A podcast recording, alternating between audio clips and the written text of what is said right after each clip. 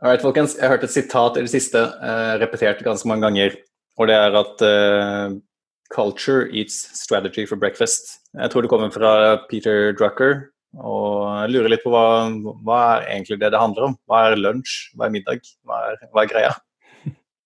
Altså, det er et møte, så er jo ikke dette et matprogram, uh, så det kan vi kanskje ta i en annen episode. Men kan jo begynne litt, kan du begynne litt der, da.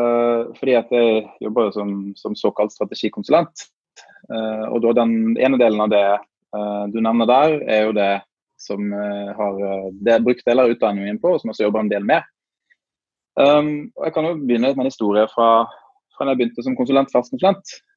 Um, da kom jeg ut med, med ferdigutdannet fra, fra skolen. Uh, hadde lært masse om hvordan man lager strategier, mange rammeverk.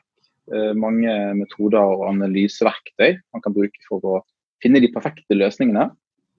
Uh, og Et av mine første prosjekter så, så, var jeg ute og laget uh, det som jeg den, tenkte, den, gang tenkte på som en veldig sånn, eh, kompleks og fantastisk Excel-modell for å løse da, det problemet som kunden sto overfor.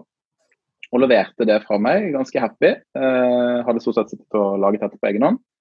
Og oppdaget etter hvert at det ble ingenting av det som jeg hadde tenkt der. Og Det var kanskje første gang jeg innså at det er noe mer enn bare struktur og, og tall og analyser som, eh, som, må til for å få strategi eh, og endring til. Da.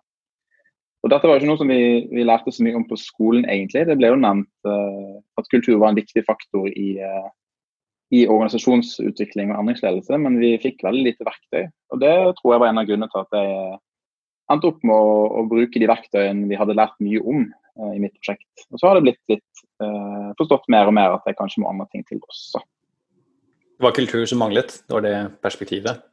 Jeg tror i hvert fall at uh, om ikke bare kultur, det handlet om forståelsen av at uh, det er mennesker i den organisasjonen vi jobber for, som skal forstå hva dette er, og som skal ville bruke det. Og at det er levert å passe inn i den organisasjonen man leverer tjenester til. Og Det er kanskje der i hvert fall i, sånn i etterkant innså at jeg ikke tenkte godt nok på det. Hmm.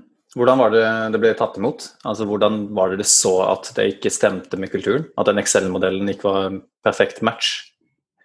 Nei, Det er jo det som er litt uh, interessant i ettertid. var at uh, Denne personen som, som var mottaker for, uh, for dette, denne Excel-modellen, for å være veldig konkret, han takket jo, og han fikk jo en, en, fin gjennomgang og sa at dette her er nyttig, og takk for det. og så viste det seg, når jeg kom tilbake uh, seinere, etter ja, halvt års tid, at den hadde jo havnet i den berømte skuffen. da. og Da skjønte man etter hvert at at det er i hvert fall et eller annet som skurrer her. Eh, når jeg mente jeg hadde levert noe som svarte på det de trengte, og som ikke ble tatt i bruk. da. Eh, og som sagt, Det er mange grunner til det, men eh, det var også en mismatch med min forståelse av eh, den organisasjonen og de menneskene som jobber. Mm. Ja, jeg, jeg, sitter og lurer litt på, Ligger det noe her i at, eh, som du nevnte, Stian, så, så, har man jo, når man har en utdanning innen økonomi, strategi, forretning, eh, så lærer man en masse verktøy, veldig mye analyseverktøy. Man henter inn veldig mye liksom, innsikt fra markedet og rundt omkring. Men man er kanskje ikke så flink på å hente inn akkurat den innsikten om, eh, om folkene som jobber i selskapet, og da kanskje kulturen. Altså man, man leser opp på man, man, skjønner kanskje deler av det, fordi at man leser typiske visjon og misjon og verdiene de har og den type ting. Eh, og så tenker man at sånn er det. Og så er det ikke alltid at det er helt match mellom det som står skrevet og det som faktisk gjøres. Nei, det tror jeg er ganske riktig. Eh, vi, vi lærte som sagt på, på, skolen at eh, kultur er viktig. og man dette sitatet som Ytte var innom innledningsvis, eh, er jo veldig kjent. Eh, og Man snakket om at man må tenke på kultur, det er viktig med kultur. Men så stoppet det litt der, for man fikk liksom ikke noe verktøy. Mm. Um, og det er jo for min del først når jeg kom ut i den erfaringen som nevnte i sted, er jo én, og etter hvert har forstått at uh, verdien av å sette seg inn i hva er det som egentlig uh, skjer i denne bedriften her, eller blant disse menneskene her, uh, det er enormt viktig for å faktisk kunne få gjort endringer. Kanskje litt sånn dumt spørsmål, men uh, den modellen du lagde, den var jo på en måte rasjonelt sett den beste strategien for det selskapet å gå for. Hvorfor kan ikke folk bare gjøre det? altså Hvis det er det rasjonelle, gode valget, Hva er feil med å bare si 'gjør det'? Og Nei, jeg tror, og Her kan du kanskje Jens, Andreas komme litt på banen, men, men feilen for, i hermetegn er jo at det, det, er mennesker som er mottakere av den her. Hadde det vært en, en datamaskin ja, som skulle ta imot den her, så kunne den regne seg frem til at dette her er jo måte den beste løsningen, så bare implementere den. Men uh, det Jens Andreas kan mye mer om, er at mennesker er ganske komplekse vesener. Det er ganske mye som styrer atferd. Og spesielt når du får en mengde mennesker som til sammen utgjør en organisasjon, så er det mange andre mekanismer også som, uh, som spiller inn. da for at uh, det som, selv om det er et godt forslag, at det skal faktisk tas i bruk, krever mer enn bare en god XR-modell. Mm. Dette er jo sånt tema som det er lett å snakke seg bort i, i, i alle retninger. Langt inn i filosofien. og Hva er rasjonalitet, og uh, hvorfor er vi irrasjonelle? Og er vi egentlig irrasjonelle? Uh, jeg, jeg, lurer på noe av grunnen til at uh, dette er sånn litt sånn område som har vært litt forsømt da, innenfor en del fag, er, er, fordi det er såpass komplekst og, og vanskelig. Det er, ikke, det er, jo ikke et fag som man tradisjonelt har studert på samme måte som man har studert økonomi, eller altså utforsket da, på samme måte som man har gjort med de harde fagene.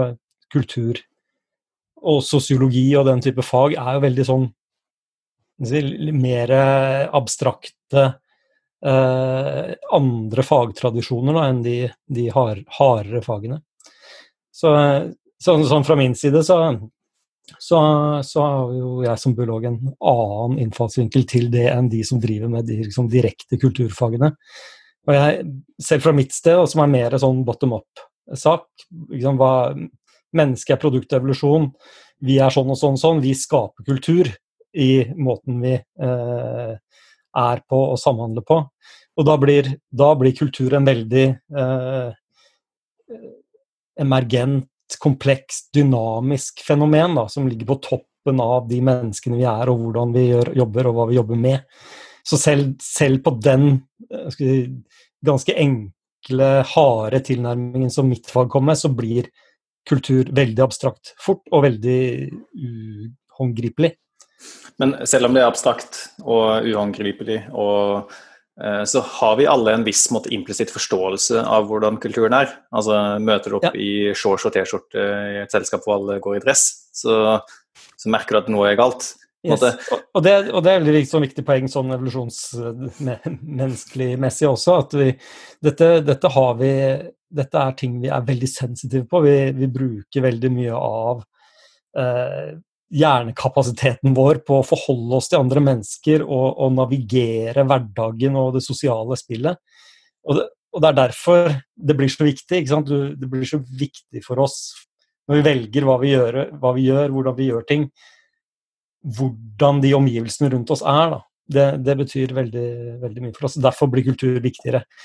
Om du da leser at du er ansatt for å gjøre den oppgave XYZ uh, i den og den rekkefølgen med den, den prioriteten med så og så mye tid, så betyr det veldig lite i forhold til det eh, veldig veldig menneskelige som det er om liksom, hvordan snakker du med mennesker, hvordan forholder du deg til folk.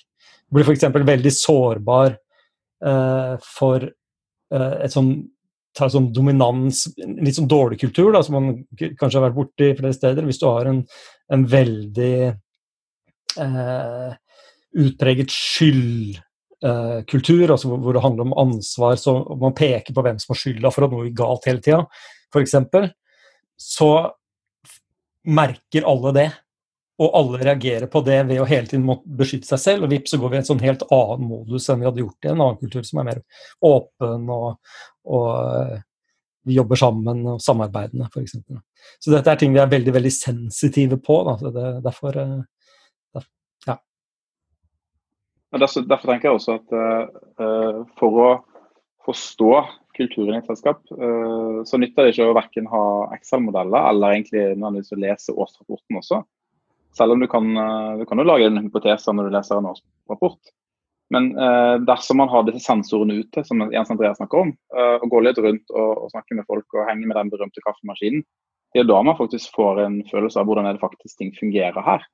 Og da er vi kanskje litt med, med den litt uh, upresise, men samtidig presise definisjonen av hva kultur er. Det er liksom Sånn gjør vi ting her. er jo liksom den beste definisjonen som, som foreligger her. Uh, som er summen av veldig mye, men det er jo liksom det det handler om. Mm. Jeg, jeg vil tippe, nå, nå, kjenner jeg veldig lite til hva som, de, de verktøyene man har til å jobbe eh, med kultur med eh, på en systematisk måte, men jeg, jeg, vil anta at man har hatt veldig gode mennesker som har, som har vært flinke til å bruke liksom, sanseapparatet sitt til å catche, eh, og at man eh, bruker de evnene vi har som menneske til å skjønne hvordan kulturen er, at man har tid til det og liksom snakke med folk, som sier. Og så baker du det kanskje mer eller mindre bevisst inn i strategien etterpå. Eh, men, eh, men, det aller beste hadde jo vært å ha et bedre rammeverk, en bedre forståelse av det, fått det inn i systemet, kunne jobbe litt systematisk med det. Det kjenner jeg veldig lite til. Ja, det tror jeg, jeg, tror det er vanskelig. Ja. Jeg tror det er litt nøkkelen til, og det er jo litt det vi kan komme litt inn på etter hvert. At uh, heldigvis så finnes det jo noen som har tatt tak i dette på en vitenskapelig måte og, og uh, forsket på det. Uh, nettopp med mål om å prøve å finne noe litt mer håndfast, sånne som, sånne som, jeg, som gjør at sånne som jeg faktisk kan også begynne å jobbe med kultur systematisk. ikke bare la det sveve rundt en sånn ånd som man aldri klarer å fange helt. Ja, fordi Det har vært interessant å snakke litt mer om senere. da, er jo at Vi vet jo alle hvor viktig kultur er, men hvordan all verden måler vi det? Vi kan jo ikke henge ved kaffemaskinen, i hvert fall ikke nå, nå som det ikke finnes noen kaffemaskin og alle er på hjemmekontor. Men, eh, og vi kan jo ikke akkurat drive og måle antall emojis folk sender i mailene sine for å se det heller. Fins det noen bedre måte å kartlegge kulturen på? Det gjør det, men um, skal vi ta det i en egen episode? All right, det gjør vi.